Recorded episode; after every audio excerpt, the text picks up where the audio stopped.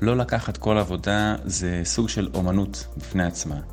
לפעמים מגיעים אלינו כל מיני בקשות שונות, ולנו יכולה להיות בעיה עם זה. אז נכון שאמרנו שאם יש חשש, אז להתגבר על החשש ולקחת את העבודות. גם אם לא תמיד אנחנו אה, מכירים את התחום או את הנושא. וגם כמובן יש גם לחץ בתחילת הדרך כן לקחת עבודות, כן להתנסות. יש אנשים שמרגישים שהם חוששים, או שאפילו לא חוששים, והם מנסים לקחת כל העבודה כדי לצבור את הניסיון. אבל גם בתחילת דרך וגם בהמשך הדרך, חשוב לשים לב שיש עבודות שאנחנו לא רוצים לקחת. למשל, מבחינת אתיקה, יש לקוחות שהווייב שלהם טיפה מוזר לנו. אם זה לקוחות אגרסיביים, אם זה עניין של מחיר, לא משנה מה. או בכלל אם אנחנו עמוסים ולא צריכים להעמיס על עצמנו.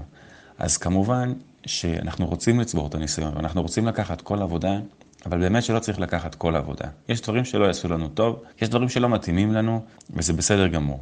בסוף זה אנשים שעובדים עם אנשים. יש כאלה שיודעים להסתדר עם כל אחד, הם יודעים להציב גבולות ברורים ויודעים להגדיר את העבודה שהם רוצים ואיזה סוגי עבודות שהם רוצים או לא רוצים, אבל זה גם בא מניסיון, זה בא מכמה נפילות. אז בגדול שיש לכם עבודה ואתם מרגישים לא בנוח, לא רוצים, עמוסים או לא עמוסים, עניינים של אתיקה או עניינים של לקוחות, זה בסדר גמור, לא כל עבודה צריך לקחת. אפשר להגיד שאנחנו עמוסים, אפשר להפנות למישהו אחר, אפשר להגיד פשוט שאנחנו לא יכולים כרגע ואולי לקבוע לתאריך אחר, או להגיד פשוט אנחנו לא יכולים כרגע, או זה סוג עבודות שאנחנו לא לוקחים, הכל בסדר.